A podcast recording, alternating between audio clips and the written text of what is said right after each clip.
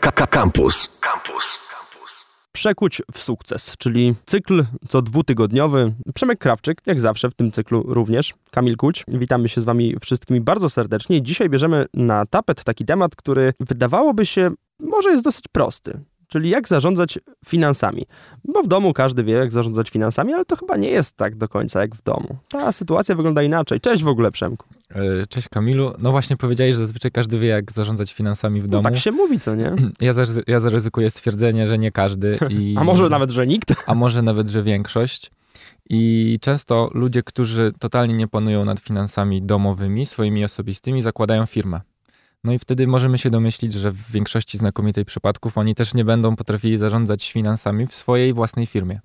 Tak, tutaj, tutaj bardzo lubię przykład, że jak ktoś chce założyć firmę, to cyk, robi restaurację.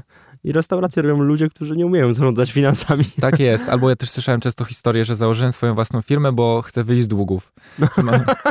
Mam, mam dużo długów gdzieś no tam tak, robionych, tak, tak konsumenckich tak i chcę się z nich wygrzebać, to sobie założę firmę i zarobię pieniądze, a mm. okazuje się, że w tej firmie y, generują się kolejne jeszcze większe długi. Tak, no, to tak, mamy pierwszy poziom, który jest zarządzaniem e, finansami domowymi i drugi poziom, który jest znacznie wyższy, zarządzanie e, finansami firmowymi. Bez odpowiedniej dyscypliny jest to niezwykle trudne. Tak jest. Często ludzie mówią na przykład, że no ja nie oszczędzam, nawet ci, którzy pracują na etacie, ja nie oszczędzam, bo nie mam z czego. Tak mało zarabiam, mm. że nie mam z czego oszczędzać. No to wtedy też zawsze można powiedzieć, że jeżeli mało się zarabia, ma się mały budżet i się nie umie nim zarządzić tak, żeby odłożyć, to zarabiając jeszcze większe pieniądze, będzie jeszcze trudniej im odłożyć pieniądze, bo będą jeszcze więcej wydawać. Więc no przede wszystkim pamiętajmy, że trzeba jednak jakieś podstawowe pojęcie w ogóle o finansach osobistych posiadać, albo właśnie przy okazji zakładania własnej firmy bardzo szybko gdzieś się nauczyć, spróbować dowiedzieć się, w jaki sposób tymi finansami gdzieś tam zarządzać. No i Przede wszystkim, kiedy zakładamy własną firmę, warto jest pamiętać o tym, że trzeba mieć jakąś poduszkę finansową, jakąś rezerwę pieniędzy, które się posiada, bo na początku, kiedy zakładamy własną firmę, no to nie możemy liczyć na to, że w pierwszych miesiącach, może u niektórych nawet w pierwszych latach, będziemy mieli z niej jakieś bardzo duże przychody. Przypomina mi się taka, no oczywiście nasuwa się sam cytat biblijny, że w małych rzeczach nie jesteś wierny, to w dużych tym bardziej nie będziesz. Tak jest i musimy się na to przygotować, że jak mamy własną firmę, to w pierwszych miesiącach wszystkie pieniądze, które uda nam się zarobić, prawdopodobnie będziemy chcieli z powrotem inwestować, żeby tę firmę rozwijać, żeby pokrywać jakieś początkowe koszty. Jeżeli na przykład wzięliśmy na, tą, na, na rozwój tej firmy jakąś pożyczkę albo jakąś, e, dostaliśmy w jakiś sposób pieniądze na inwestycje, to musimy te pieniądze zacząć zwracać. No i sobie będziemy wypłacać bardzo mało, albo wręcz nie będziemy wypłacać sobie nic. I fajnie jest mieć taką rezerwę, poduszkę, na którą będziemy mogli spaść w momencie, kiedy z naszej własnej firmy jeszcze te środki nie będą płynąć. Więc też jeżeli ktoś na przykład takiej rezerwy nie posiada i żyje z miesiąca na miesiąc, no to jest to bardzo ryzykowne, żeby zakładać własną firmę w tym momencie. No tak, ale też, ale też to moim zdaniem tak łatwo powiedzieć, że miejmy poduszkę i w ogóle, ale mm, większość ludzi, którzy również zakładają swoje firmy i nawet może im to dobrze iść, to nie mają tej drugiej opcji przychodowej, czyli na przykład stałej pracy. Na przykład nie mają na nią czasu. I co wtedy? Jak wtedy się utrzymać w ogóle?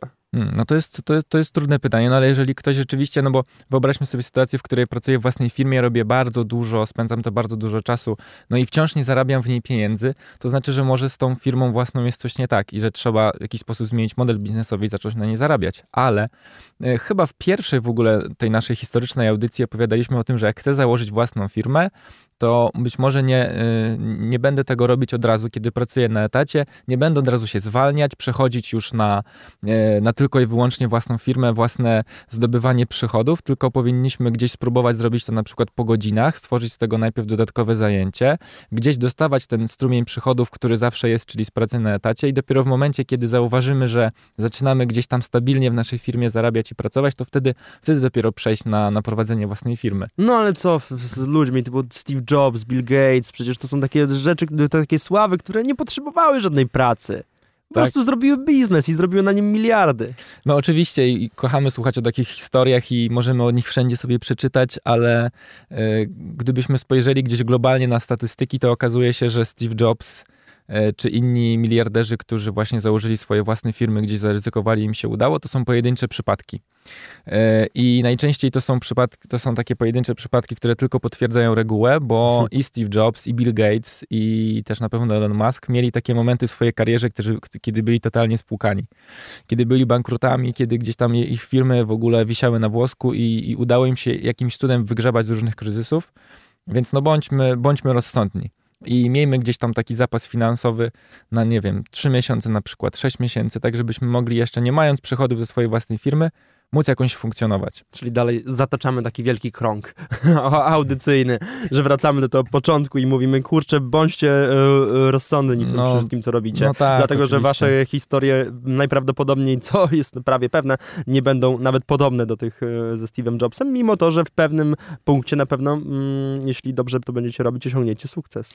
No właśnie, więc przygotowaliśmy dzisiaj dla was taki sześcio albo nawet siedmiopunktowy poradnik, właśnie w jaki sposób prowadzić finanse we własnej firmie firmie, jak ogarniać te, te pieniądze, które, które we własnej firmie mamy. O, czyli odchodzimy od formuły antyporadników i przechodzimy do poradników. Dzisiaj będzie poradnik. To oczywiście można zawsze sobie prze, przełożyć na antyporadnik, yy, ale pierwsza zasada, moim zdaniem totalnie najważniejsza, to jest yy, oddzielenie finansów osobistych od finansów firmowych. Czyli antyporadnikowo brak granicy pomiędzy finansami osobistymi i firmowymi. Kiedy prowadzimy spółkę, to przepisy mówią o tym, że musimy mieć oddzielne konto firmowe. Tak, to wtedy jest ułatwione. Jak spółka ZO jest, to wtedy mm, ten problem mm, tak naprawdę sam nam się rozwiązuje, bo bardzo trudno jest sobie samemu wypłacić pieniądze poza umową jakąkolwiek. Trochę tak. Natomiast kiedy prowadzimy działalność gospodarczą, to przepisy nic nie mówią o tym, że trzeba posiadać oddzielne konto firmowe. I tak naprawdę możemy posiadać yy, yy, na jednym koncie i finanse prywatne i finanse I yy, badania pokazują, że 80% przedsiębiorców, którzy mają działalność gospodarczą, mają jedno konto i prowadzą wow. swoje własne firmowe, swoje własne osobiste finanse Powiem szczerze, to jest trochę przerażające. Chciałbym nałożyć te statystyki ze statystykami upadających firm. Ciekawe, czy w jakiś sposób to by się wszystko pokryło. Boję się, że byłaby jakaś korelacja tutaj. E, no właśnie, więc w tym momencie po pierwsze bardzo trudno jest nam się odnaleźć, co jest w ogóle przelewem, który dostaliśmy od klienta, a co jest jakimś przelewem, który dostaliśmy od znajomego, który wydatek jest wydatkiem osobistym, który wydatek jest firmowy. No tym bardziej, że niektórzy klienci nie będą tytułowali przelewów poprawnie. Dokładnie tak. To się zdarza bardzo często i, więc i tak to jest, się zlewa się wszystko, też bardzo często. To się wszystko bardzo miesza. Miesza się ten, do tego stopnia, że zaczynamy finansować firmę z naszych pieniędzy osobistych, a jeżeli jeszcze jesteśmy, mamy współmałżonka, mamy wspólne konto, to z pieniędzy, które zarabia nasz współmałżonek i odwrotnie, czyli jak mamy jakiś duży wydatek u siebie w domu, to bierzemy go z pieniędzy firmowych. Tak, to jest też bardzo praktyczne posiadać dwa konta, dlatego że potem, jeśli nawet mamy jedno konto i umiemy tym kontem zarządzać tak, żeby rozdzielić te finanse, e, finanse spółki e, czy e, działalności gospodarczej i prywatne, to zajmuje to masę czasu to trzeba usiąść przynajmniej kilka razy e, w ciągu tygodnia, e, posortować wszystkie rzeczy, porozpisywać sobie wszystko w Excelu i to jest e, ta, ta droga, w której chcemy zrobić to poprawnie. No, jeśli nie będziemy tego robić, to, to skończy to fiaskiem tylko i wyłącznie. Tak, więc teraz wszyscy, którzy mają działalność gospodarczą i mają jedno konto, albo będą mieli niedługo właśnie, bo zakładają własną firmę, idziemy do internetu i szukamy, szukamy rachunku bankowego dla naszej firmy. W czasach koronawirusa do banku nie idziemy. Dlatego, tak, tak no więc nie, nie, idziemy do Wiemy o koronawirusie, ale, ale dzisiaj o nim nie rozmawiamy. Tak. I są banki, które pozwalają prowadzić rachunek firmowy totalnie bezpłatnie. No tym nie bardziej, że właśnie to jest bezpłatne. Dlaczego, dlaczego w takim razie tego nie robić, skoro naprawdę nie jest to jakimś gigantycznym problemem, a niektóre nawet yy, oferują z tego tu promocję. Na tak, jak można zgarnąć... zrobisz jakiś przelew do tak. ZUS albo do Urzędu Skarbowego, to dostaniesz jakąś stówkę, dwie stówki, więc Wiem. jeszcze można na tym zarobić. I no, totalnie podstawowa zasada, oddzielamy firma, finanse firmowe od finansów osobistych i staramy się, żeby one nigdy, przenigdy się ze sobą nie mieszały. Punkt drugi naszego poradnika brzmi, zatrudnij się w swojej własnej firmie i płać sobie pensję. Czyli po prostu podpisujemy sami ze sobą umowę. Tak, i to jest ten problem, zaczynamy zarabiać i ile ja mam sobie wypłacić, czy więcej, czy mniej, czy w ogóle, więc jeżeli pracujemy u kogoś i ten ktoś nas zatrudnia, właśnie podpisujemy tą umowę i dostajemy jakieś stałe comiesięczne wynagrodzenie, powiedzmy, to to samo powinniśmy zrobić we własnej, we własnej firmie, czyli stworzyć dla siebie etat i regularnie, co miesiąc, może częściej, jeżeli potrzebujemy, ale w jakichś stałych odstępach czasu, wypłacać sobie pensję. I e, tak samo powinni robić też tak zwani freelancerzy. I często słyszę o takim problemie, że właśnie ja mam nieregularne przychody. Czasami zarobię więcej, czasami mniej, więc czasami sobie mogę więcej wypłacić, czasami mniej.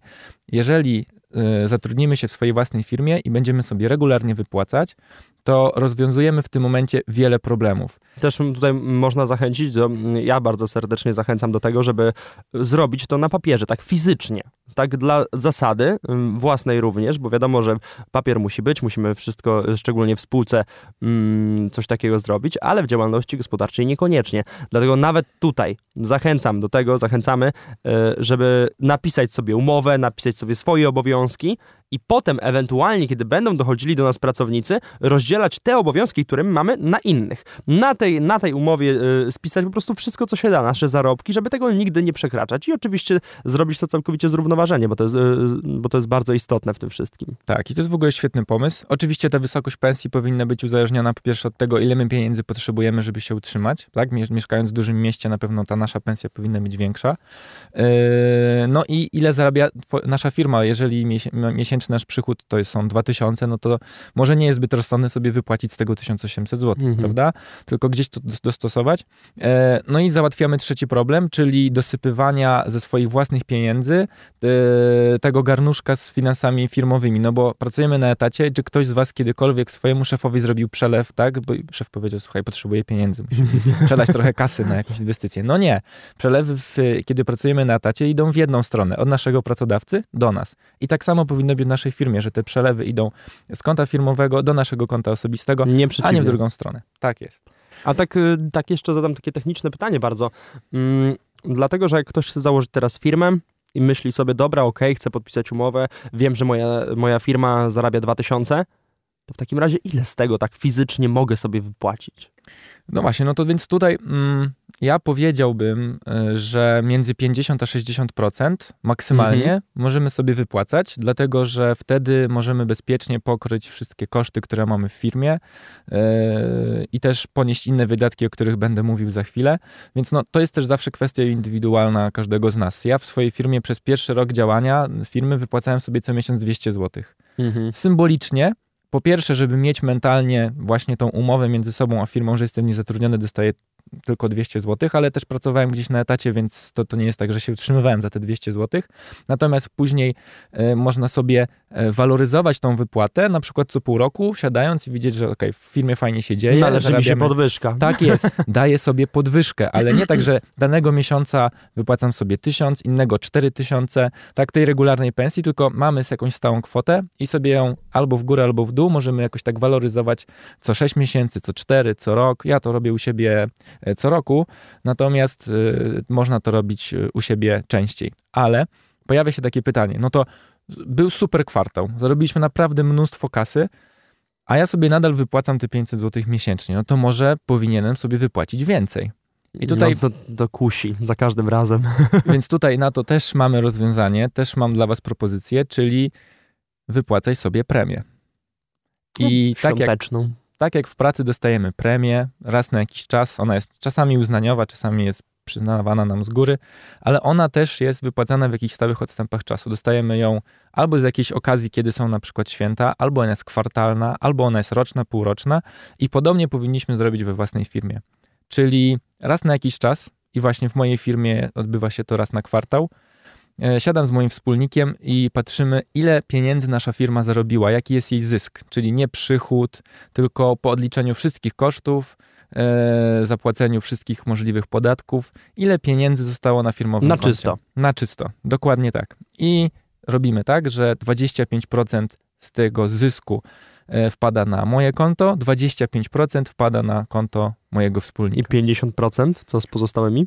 A pozostałe 50% y, to zaraz będziemy mówić o, o, kolejnych punktach, ale można na przykład te pieniądze przeznaczyć na jakiś fundusz inwestycyjny naszej firmy, czyli pieniądze, które możemy w każdej chwili gdzieś zainwestować, jeżeli będzie taka potrzeba, albo na rezerwę dla, dla firmy. Ale, y, ale wracając właśnie do tej premii, wypłacamy sobie ją wtedy, w tym momencie. I jakie są zalety takiego podejścia? Jeżeli w firmie dzieje się dobrze, to wtedy my sobie wypłacamy więcej tych pieniędzy, ale to są wciąż pieniądze, które są właśnie zyskiem.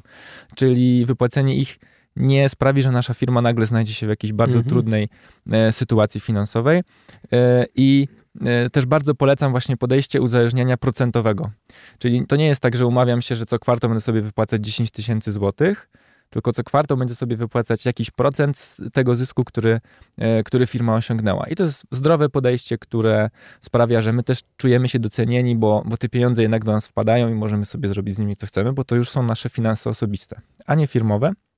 Więc słuchajcie, wypłacajcie sobie wypłacajcie sobie tą premię, bo, bo warto, tylko trzeba to robić właśnie w taki gdzieś, jakiś taki mądry, zrównoważony sposób. Czyli takie dwa podstawowe punkty, które możemy na razie nakreślić, to jest e, rozdzielenie swojego konta i konta firmowego, plus e, podpisanie ze sobą umowy i wypłacanie sobie stałej pensji, ewentualnie w tych lepszych okresach e, może dojść premia do tego wszystkiego. Tak jest, dokładnie tak. No dobra, to z tego, co mówiłeś, zostały nam jeszcze cztery punkty poza tym. Tak, jeszcze cztery punkty. Punkt czwarty to pamiętaj o podatkach. Teraz przechodzimy do poważnego tematu, mm którego, mhm. którego wiele osób się boi, czyli pamiętaj o podatkach.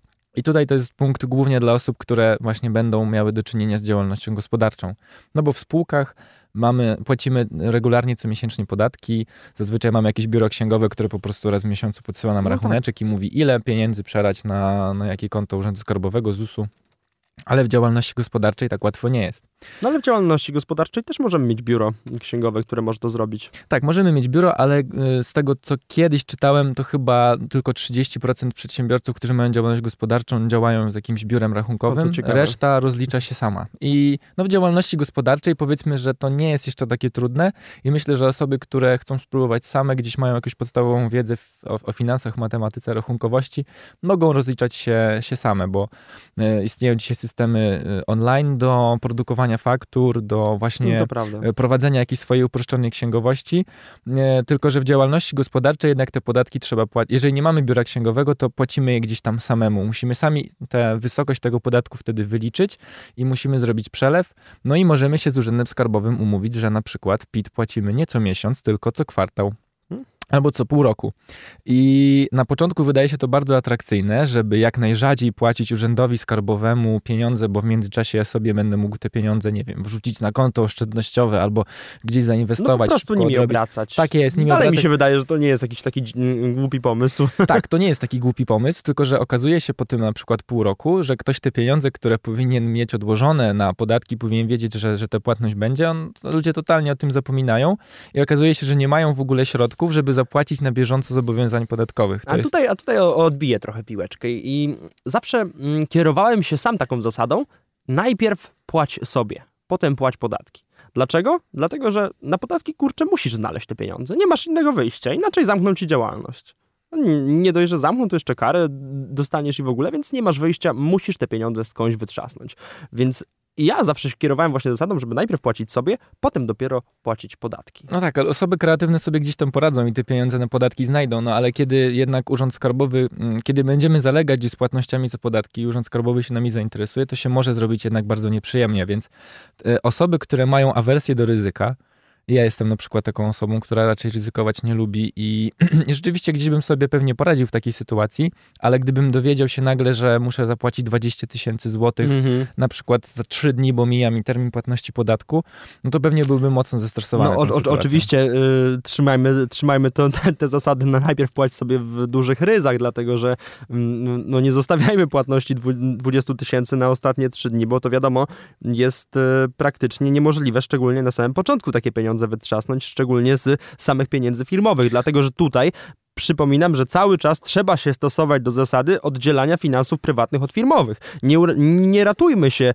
w podatkach finansami prywatnymi, bo to nie ma żadnego sensu. Tak, no to jest najgorszy pomysł z możliwych, bo potem będziemy musieli sami zapłacić Dokładnie. podatki, yy, swój, swój PIT właśnie z z tego, co, jakie wynagrodzenie dostaliśmy i będzie bardzo nieciekawie, więc generalnie jest tak, że jesteśmy w stanie co dwa tygodnie, co miesiąc, zobaczyć po przychodach, które mamy na koncie firmowym i policzyć, jakie podatki będziemy musieli zapłacić, tak? Wiemy, jaka jest w Polsce wysokość podatku VAT, wiemy, jaka jest wysokość podatku CIT czy PIT, więc możemy sobie z każdej faktury tak naprawdę sprawdzić i policzyć, ile pieniędzy będę musiał oddać w celach podatkowych. Więc prowadząc taką ewidencję i wiedząc, że na przykład w styczniu powiedzmy 1200 zł będę musiał zapłacić jako podatek VAT, to te 1200 zł musimy w jakiś sposób, właśnie w moim przypadku, kiedy jestem osobą z awersją do ryzyka, w jakiś sposób je sobie odłożyć. I polecam w tym celu, żeby na koncie firmowym otwierać sobie rachunki oszczędnościowe. Mając mhm. ROR firmowy, możemy założyć konto oszczędnościowe. Możemy je nazwać PIT, możemy je nazwać VAT i, możemy, i po, moim zdaniem powinniśmy te pieniądze po prostu na te rachunki oszczędnościowe przelewać, żeby w danym momencie, kiedy przychodzi okres płatności tego podatku, po prostu te pieniądze wtedy z tego konta oszczędnościowego wypłacić na te firmowe, przenieść i zapłacić podatek. Teraz już w ogóle w, w kontach firmowych, yy, w spółkach ZO jest tak, że automatycznie tworzy się konto VAT-owskie i na nie jest e, od razu cały VAT przelewany, który będziesz musiał y, tak. y, zapłacić, więc to jest fajne uproszczenie ze strony banków, moim zdaniem. Tak, i bardzo fajnie, na przykład ING, więc zrobimy jednak reklamę, no dobra, pozwala trochę. też w ogóle prowadzenie księgowości na, na koncie bankowym i pozwala też na, na wystawianie i przyjmowanie faktur, gdzieś automatyczne przelewanie podatków właśnie na konto Urzędu Skarbowego, więc to jest dzisiaj też bardzo proste i no właśnie nie trzeba może siadać z kartką papieru i długopisem w każdym przypadku. Natomiast w, kończąc ten temat, jeżeli właśnie ktoś rzeczywiście uważa, że te pieniądze na podatki chce gdzieś zainwestować, w międzyczasie obracać tymi pieniędzmi, żeby ten, ten swój majątek powiększyć, no to jednak musi mieć gdzieś zapisane w którymś miejscu, że 20 powiedzmy maja, będę musiał zapłacić 4,5 tysiąca PIT-u i mieć to z tyłu głowy, no żeby się nie okazało, że przychodzi ten moment i ja tych pieniędzy na podatki nie mam. Więc yy, pamiętajmy o nich. I no właśnie w, w naszym przypadku też posiadamy takie, takie konta oszczędnościowe. E, w przypadku spółki ZO, tak jak mówię, czy jakiejkolwiek innej e, spółki jest o to tyle prostsze, że te podatki płacimy co miesiąc. Mhm. Przy okazji działalności gospodarczej trzeba się trochę bardziej samemu o to zatroszczyć. Ja jeszcze bym chciał mm, powiedzieć, że mimo wszystko, nawet w przypadku działalności gospodarczej, mm, zachęcałbym do tego, żeby jednak posiadać biuro księgowe. Po pierwsze, oszczędza to nam masę czasu, który moglibyśmy spożytkować na, na rozwój firmy. Przypominam, że nasz czas też kosztuje i trzeba o niego bardzo mocno dbać, więc y, zadajmy sobie pytanie i przeliczmy ten fakt. Tym bardziej, że usługi księgowe w małych firmach nie są naprawdę drogie i oferuje to większość banków, które mogą poprowadzić za nas księgowość nawet. Mm, I mm, no to, to tylko to jest ta droższa opcja. Ta tańsza możemy znaleźć sobie biuro rachunkowe, on nam to zrobi po prostu taniej. Mm, I przeliczmy sobie koszt tego biura rachunkowego, a nasz czas. Tak no po prostu. I sprawdźmy, co nam się bardziej opłaca. Jeśli faktycznie widzimy, że mamy tego czasu wolnego trochę więcej, i, i, nie poświęcamy jakoś mm, abstrakcyjnie dużo na rozwój firmy, to zróbmy też te, te, podatki. Ale jeśli chcemy poświęcić trochę więcej czasu na rozwój firmy, na wkład, to moim zdaniem znacznie lepszą y, i fajniejszą opcją będzie po prostu kupienie sobie biura rachunkowego, które poprowadzi za nas te podatki i oszczędzi nam i nerwów, i czasu, i błędów swoich własnych również. Tak, ja się totalnie z tym zgadzam i ja mm, od jakiegoś czasu zaczynam w ogóle różne czynności, nawet domowe, gdzieś próbować przeliczać właśnie na czas, zobaczyć ile to kosztuje i y, czasami może się okazać w przypadku osób, które naprawdę są jakimiś ekspertami w swojej dziedzinie i na godzinę zarabiają naprawdę dużo pieniędzy, że bardziej im się opłaca na przykład zamówić jedzenie niż samemu ugotować, bo ten czas możemy przeznaczyć na pracę i zarobić więcej pieniędzy. Wiele prac, w tym właśnie na przykład prowadzenie swoich własnych finansów i księgowości, rzeczywiście można e, po prostu wydelegować, bo oszczędza się czas. Outsourcing, piękne, tak. piękne słowo. Ja myślę, że outsourcingu zrobimy jakiś odcinek oddzielny, o, bo, się, bo tak, to, jest, tak, to jest w ogóle bardzo fajny temat i okazuje się, że w wielu przypadkach lepiej jest zlecić komuś zrobienie czegoś, będzie to dla nas tańsze, przyjemniejsze, będziemy mieli mniej stresu i więcej czasu będziemy mogli przeznaczyć na to, żeby zająć się właściwym działa działaniem naszej firmy, właśnie, a nie na przykład siedzeniem i liczeniem samemu, e, samemu jakie te podatki są. Dobra, dobra, dobra, wracamy do tematu głównego, czyli e, finanse e, firmy. E, zaliczyliśmy już punkt czwarty, Punkt podatkowy. Punkt piąty to punkt piąty brzmi buduj rezerwę finansową. E, I tak jak zawsze polecam, żeby w swoich finansach osobistych mieć e, pieniądze odłożone na czarną godzinę i rezerwę finansową, tak samo w naszej firmie również powinniśmy zbudować sobie taką poduszkę, taki wentyl bezpieczeństwa, który jest albo Ale na ciężkie czasy. E, czy w gotówce? Mhm. Niekoniecznie. Na, na pewno najprościej, w gotówce tutaj mówimy o pieniądzach, które mogą też leżeć na koncie. Oczywiście, że tak. Bo oczywiście wiele osób, jak słyszy gotówka, to ma na myśli pieniądze, które mamy fizycznie w portfelu, ale mówimy o gotówce, czyli o pieniądzach, które na przykład mogą być na koncie oszczędnościowym, tak.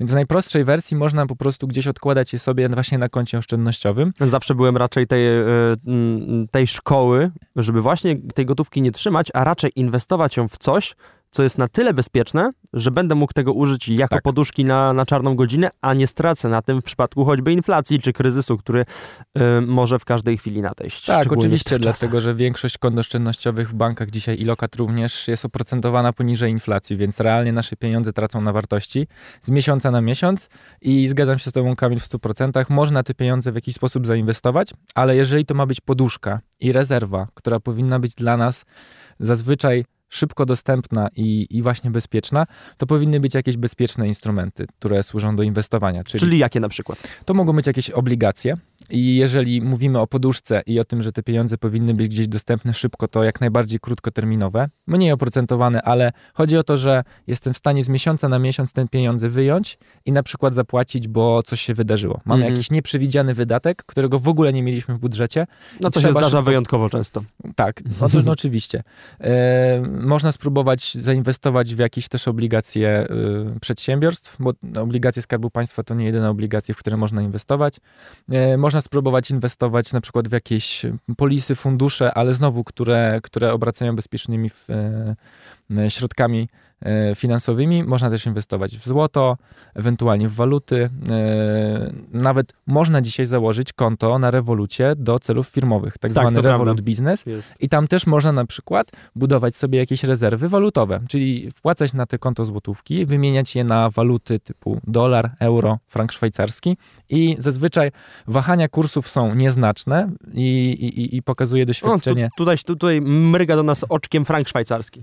Tak, no tak, ale to, no to rzeczywiście to pokazuje, że nic nie jest na, sto, nic nie jest na 100% Ale przepraszam, pewne. tutaj, tutaj mówimy o franku szwajcarskim, ale równie dobrze może być dokładnie to samo z, ze złotówką, więc y, Tak jest, tak jest. W obliczu kryzysu, do którego w ogóle się gdzieś tam zbliżamy, to też pewnie mnóstwo osób będzie wycofywało się z giełdy, z walut, gdzieś pewnie inwestowało w złoto albo w nieruchomości. mm, A no właśnie, w nieruchomości jeszcze można w zainwestować. nieruchomości można, ale tu mi się właśnie chciałem o tym powiedzieć, y, dlatego że to nie jest taka szybka opcja poduszki. Tak, i to Tutaj jest... mamy taką większą, jakbyśmy chcieli zbudować sobie taką poduszkę na naprawdę trudne czasy, to wtedy dopiero y, nieruchomości myślę, że mogą dopiero wejść w grę. Tak, dlatego, nieruchomości to jest oszczędność długoterminowa, zde- zdecydowanie, więc... y, Ale jeśli mamy faktycznie środki bardzo duże, które możemy sobie odłożyć, na czym możemy odłożyć i chcemy na tym jeszcze zarobić, żeby nam to się powielało, absolutnie nieruchomości są bardzo fajną opcją. Tylko naprawdę polecam, mm, jeśli chcemy w to wchodzić, zaznajomić się w tym temacie znacznie bardziej, pójść na jakiś kurs na przykład, co, do, do, do, do czego mocno zachęcam,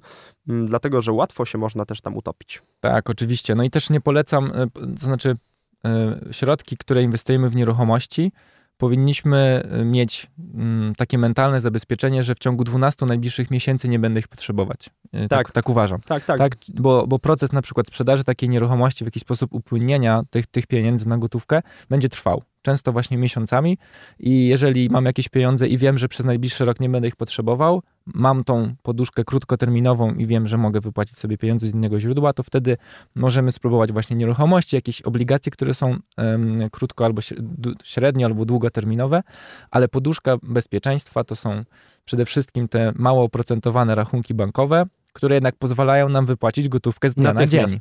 Więc też pamiętajmy, że warto jest jakieś środki na takich, No oczywiście. e, na, na, na takich kontach posiadać, bo czasami się może zdarzyć, że potrzebujemy jutro albo pojutrze coś kupić, bo się nam w firmie zepsuło i Mhm. e, cała produkcja nasza na przykład stanęła. No nie? Mamy, Mhm. Jesteśmy programistą i na co dzień e, zajmujemy się tym, żeby tworzyć jakieś aplikacje i pada nam komputer.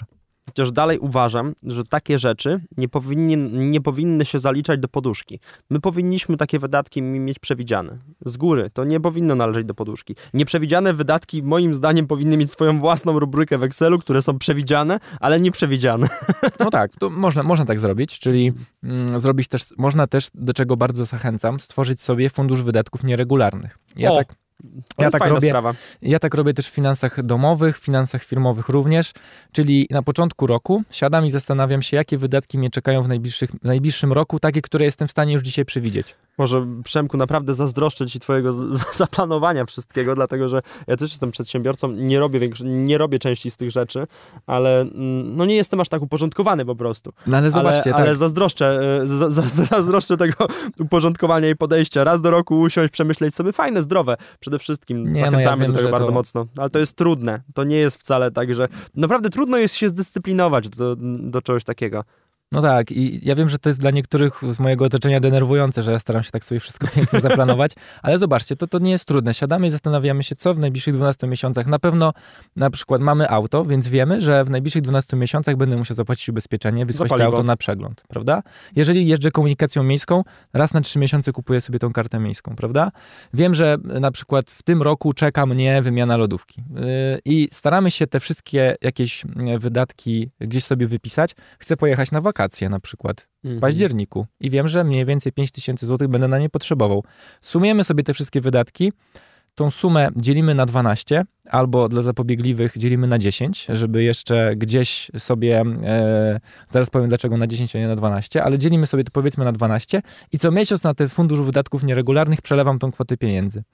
I kiedy przychodzi na przykład kwiecień, i mam przegląd samochodu albo wykupuję ubezpieczenie, to wtedy nie jest tak, że nagle z mojego budżetu, gdzieś mojej pensji, która wynosi powiedzmy 4000 zł, 1000 to będzie ubezpieczenie. Tylko wtedy wchodzę na moje konto, które się nazywa Fundusz Wydatków Nieregularnych i z tamtego konta sobie te pieniądze wypłacam, opłacam i się nie martwię, bo ja przez cały rok regularnie sobie oszczędzam na te moje yy, nieregularne, ale przewidziane wydatki. Mhm. Prawda? Podzielenie Ciekawe. na 10, podzielenie na 10, kończąc, jest to tyle fajne, że już w październiku wpłacamy tą całą kwotę.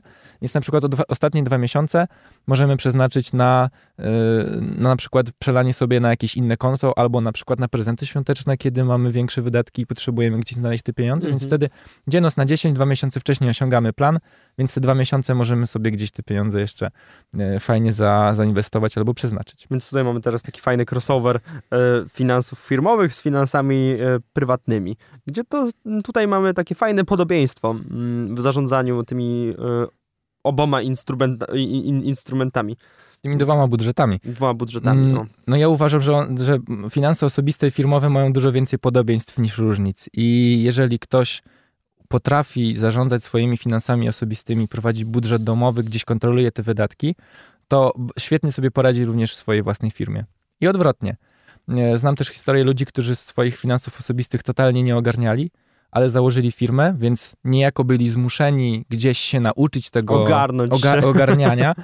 I potem spojrzeli na swój budżet domowy i złapali się za głowę, że jak ja beznadziejnie w ogóle ogarniałem swoje własne pieniądze. Czyli też prowadzenie biznesu może w pewnym sensie zmobilizować nas do, do zmiany. Tak, Chociaż tak. nie opierajmy się na tym, że jak założę biznes, to będzie lepiej. To już będę robił to lepiej. Zacznijmy zmianę od teraz. To będzie to taka najfajniejsza droga i najbardziej łagodna również dla nas, szczególnie kiedy zaczynamy e, prowadzić finanse firmowe, bo kiedy nagle okaże się, zaczniemy prowadzić finanse firmowe i te umiejętności jednak nie są nam dane odgórnie, albo gdzieś się zagubimy w edukacji, to zrobi się bardzo duży problem.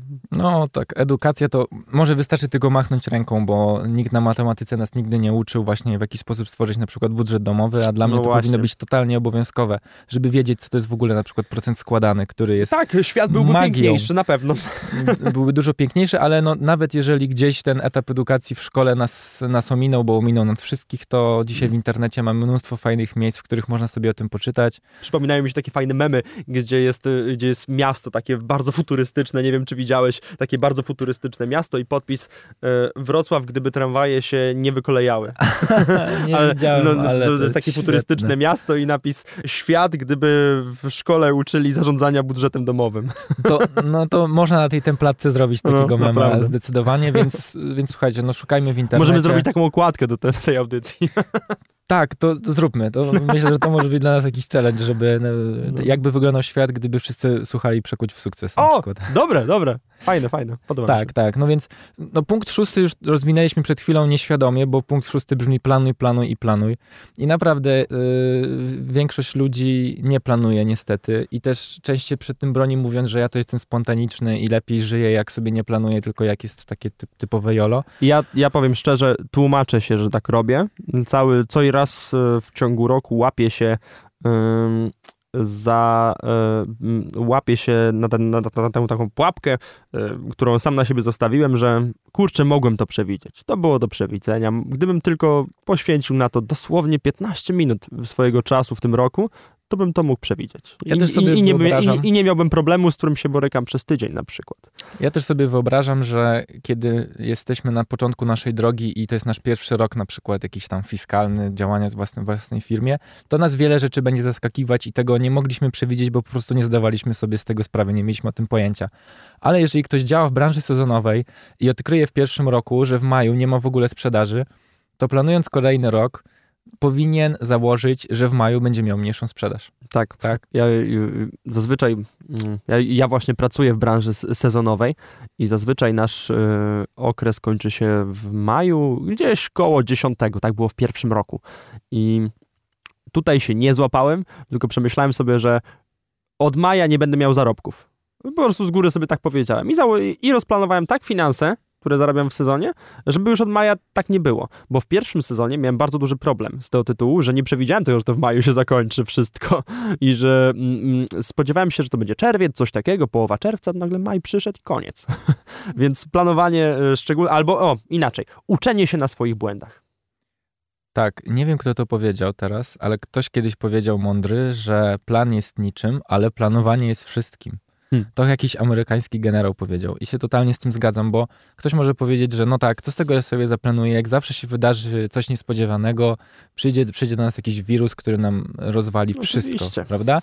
Ale sam fakt, że, że zaplanowaliśmy sobie gdzieś tam na przykład nasze finanse i nasze działanie, że spróbowaliśmy to zrobić, jeszcze jak sobie do tego dołożymy jakąś analizę ryzyka, czyli zobaczymy, co się może nam udać, a co się może nie udać dodatkowo, to wtedy będziemy przygotowani na większość tego typu przypadków, które się wydarzą. Nie na wszystkie, ale na większość. Nawet na część. I to już nam da na jakąś przewagę względem na przykład naszej konkurencji, która takiej analizy nie robi i która w przypadku zadziania się takiego jakiegoś niespodziewanego wydarzenia po prostu będzie leżeć, a my, a my stwierdzimy, że nam się uda i, i gdzieś tam po paru trudniejszych miesiącach wrócimy i będziemy jeszcze silniejsi, nie, na przykład.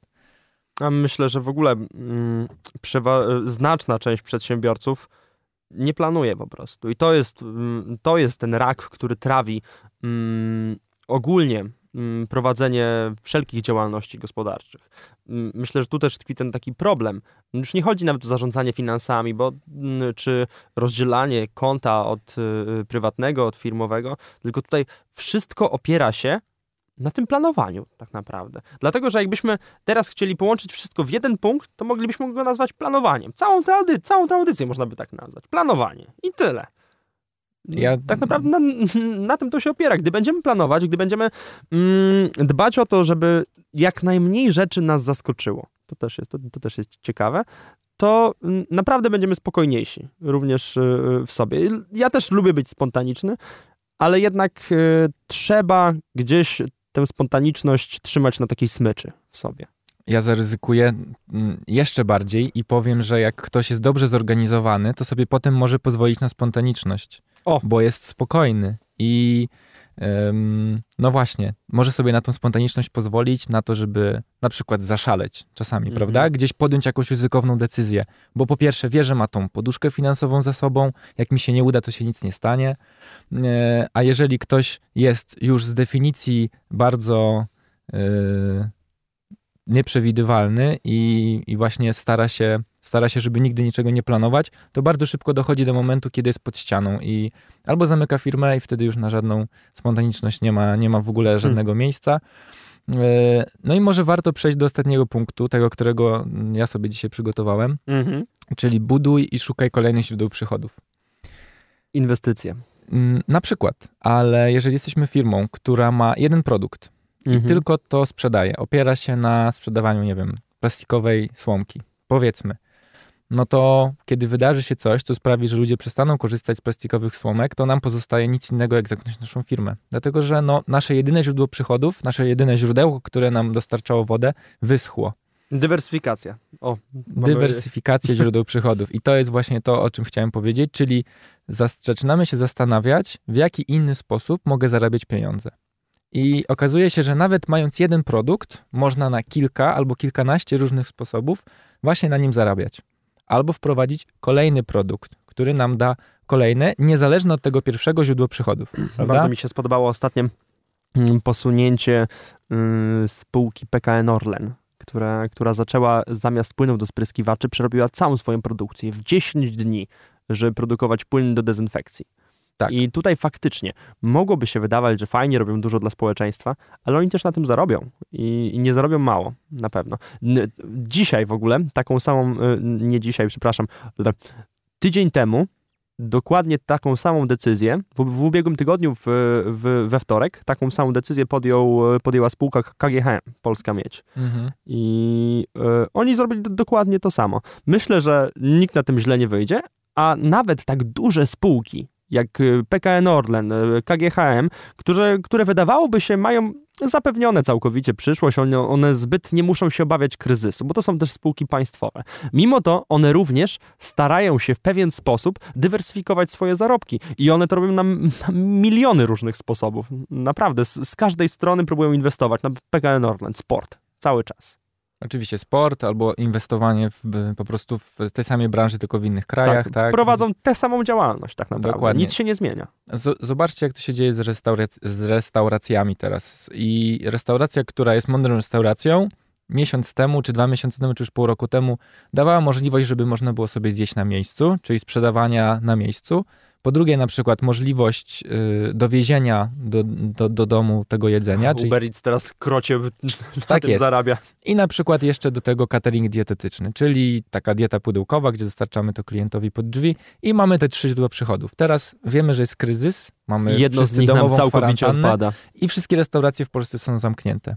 I teraz restauracja, która tylko i wyłącznie sprzedawała w lokalu, zamyka się i przestaje zarabiać pieniądze i prawdopodobnie za 2-3 miesiące będzie musiała w ogóle zakończyć swoją działalność. Ale te restauracje, które nadal dowożą i nadal robią ten catering, chociaż to jedno źródło przychodów im uciekło, mają dwa pozostałe. Więc ten kryzys przeżyją znacznie łagodniej niż te restauracje. W ogóle no, go Znaczy przeżyją. łagodnie, właśnie w ogóle przeżyją.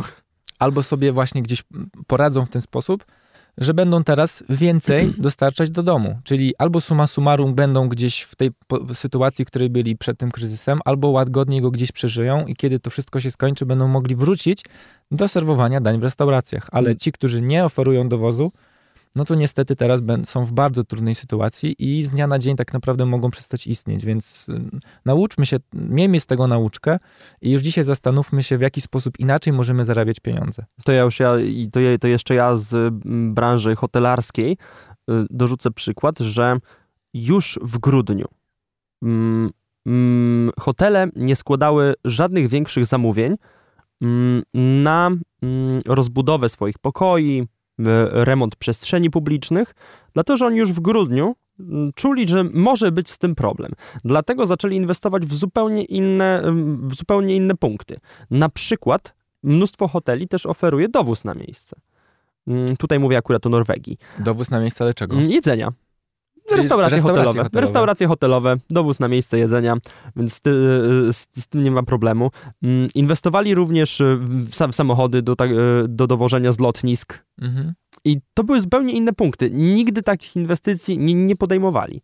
Nagle mm, stwierdzili, to może być problem, w tym roku wstrzymujemy się z remontem, zrobimy go ewentualnie w przyszłym.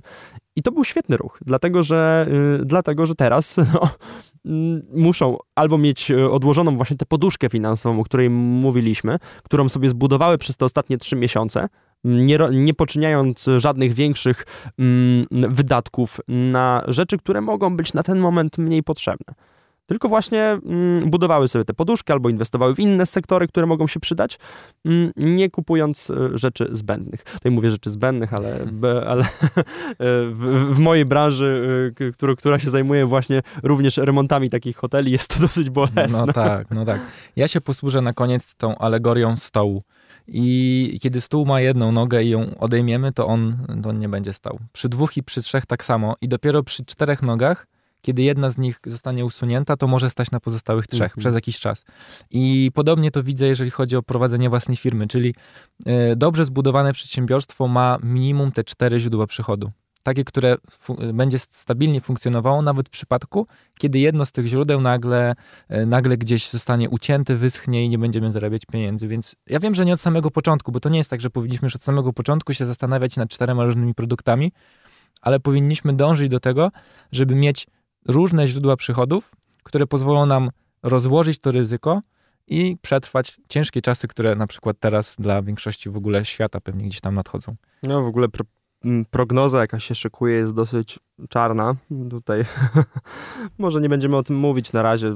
Zostawimy te, te czasy kryzysu na, na inną audycję. No niestety jest... to jest smutne, ale mm, można na to spojrzeć z drugiej strony, że pewne biznesy i pewne branże umrą i przestaną funkcjonować ale na pewno biznes nie zrosi próżni i w ich miejsce pojawią się inne i są branże, które właśnie w tym momencie przeżywają bardzo duży rozkwit. Hmm. Wszystko, co się przenosi do internetu, yy, na przykład. Sklepy internetowe, dowozy, tak jak mówiliśmy, jedzenia na miejsce, tak to, wszystko, wszystko teraz przeżywa swoje boom. Więc hmm. są branże, które z tego kryzysu wyjdą silniejsze niż przedtem i dzięki niemu się w ogóle rozwiną. Więc też kiedyś rozmawialiśmy w którymś odcinku o zarabianiu na trendach to też warto jest w tym momencie wrócić do tego, może sobie przesłuchać jeszcze raz ten odcinek i się zastanowić, jakie dzisiaj, w tym momencie pojawiają się trendy, na których ja mogę zarobić, prawda? Ja działając na przykład w edukacji, dzisiaj będę się starał podpiąć do tego trendu edukacji przez internet, edukacji online. Ja myślę w ogóle, że to jest bardzo fajny punkt, w którym, e, w którym można nauczyć społeczeństwo korzystania z tych dóbr internetowych i nauczyć społeczeństwo w ogóle skorzystania z internetu, bo, które daje nam nieograniczone możliwości tak naprawdę. Nawet kiedy skończy się ten cały kryzys i wrócimy gdzieś tam do, do normalnego życia, to dalej to będzie bardziej popularne. To świat już nie będzie taki sam, tak. bo nagle ludzie zauważą, że mogą część rzeczy robić przez internet, nie wychodząc z domu. I nadal będą chcieli to robić, bo to jest bardziej wygodne, przystępne, niż e, tradycyjne chodzenie gdzieś. I można znaleźć na przykład nauczyciela, który mieszka na drugim końcu Polski albo nawet świata. Jeżeli on jest dobry, i jest, łączę się z nim przez internet, no to on może mieszkać gdziekolwiek. Nie muszę szukać w promieniu kilometra od mojego miejsca zamieszkania. Na tak. przykład. Nagle moja siostra znalazła sobie nauczyciela od matematyki, przepraszam, ona już go miała wcześniej, który, który przyjeżdżał do niej za każdym razem i teraz mhm. okazało się, że nie może przyjechać, mhm. więc wszystkie lekcje prowadzi przez internet. Okazało się, że to wcale nie ma zbyt dużej różnicy, tylko musiał yy, ogarnąć sobie sprzęt do, do tego. Mm, powstało na ten temat około 300 badań naukowych i wyniki są jednoznaczne, że nauka przez internet jest albo tak samo skuteczna jak tradycyjna, albo jeszcze bardziej. Bo na przykład wrzucając elementy grywalizacji, jesteśmy w stanie podnieść efektywność nauczania przez internet i więcej może no się nauczyć przez dalszy, internet. Kolejny krok mam wrażenie, że do tego jeszcze zmierzamy i do tego jeszcze, y, do tego jeszcze mam wrażenie nie to, że my nie dorośliśmy jako konsumenci, tylko jeszcze... Yy, autorzy tych kursów nie wpadli na to, albo nie mają do tego głowy, żeby zacząć to robić, bo to jest już wyższe przedsięwzięcie dodawanie elementów grywalizacji, moim zdaniem. No tak, ale tutaj też, też są książki, też są artykuły w internecie. Mm, Paweł Tkaczyk jest świetnym ekspertem od grywalizacji. Właśnie polecam jego książkę i można praktycznie pewnie z tygodnia na tydzień gdzieś do swoich produktów, usług dorzucić te elementy grywalizacji, które nam podnoszą po pierwsze sprzedaż, po drugie zadowolenie klienta, a po trzecie też właśnie w przypadku edukacji podnoszą samą wartość z uczenia się. Dobra, zeszliśmy całkowicie z tematu. Audycję o zarządzaniu finansami już oczywiście zakończyliśmy. Dodaliśmy na sam koniec jeszcze trochę aktualności, do których jeszcze będziemy wracać w przyszłych y, audycjach. Aktualności, które są jednak też niesamowicie uniwersalne, bo taki tak. kryzys się może zdarzyć zawsze i wszędzie z różnego powodu.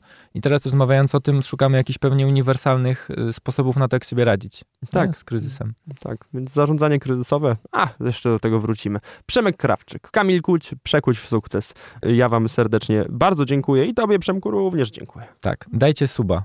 Tak się mówi teraz chyba. Dajcie suba, tutaj kliknijcie, tu, tu, tu tak jest. tutaj. To... I tutaj bym, bym wam pokazał, ale to jest Spotify i się nie da. No tak, ale można tym powiedzieć. Dajcie subskrypcję, to jak wyjdzie następny odcinek, to nie przegapicie. Dzięki wielkie. Papa. Radio Campus. Same sztosy.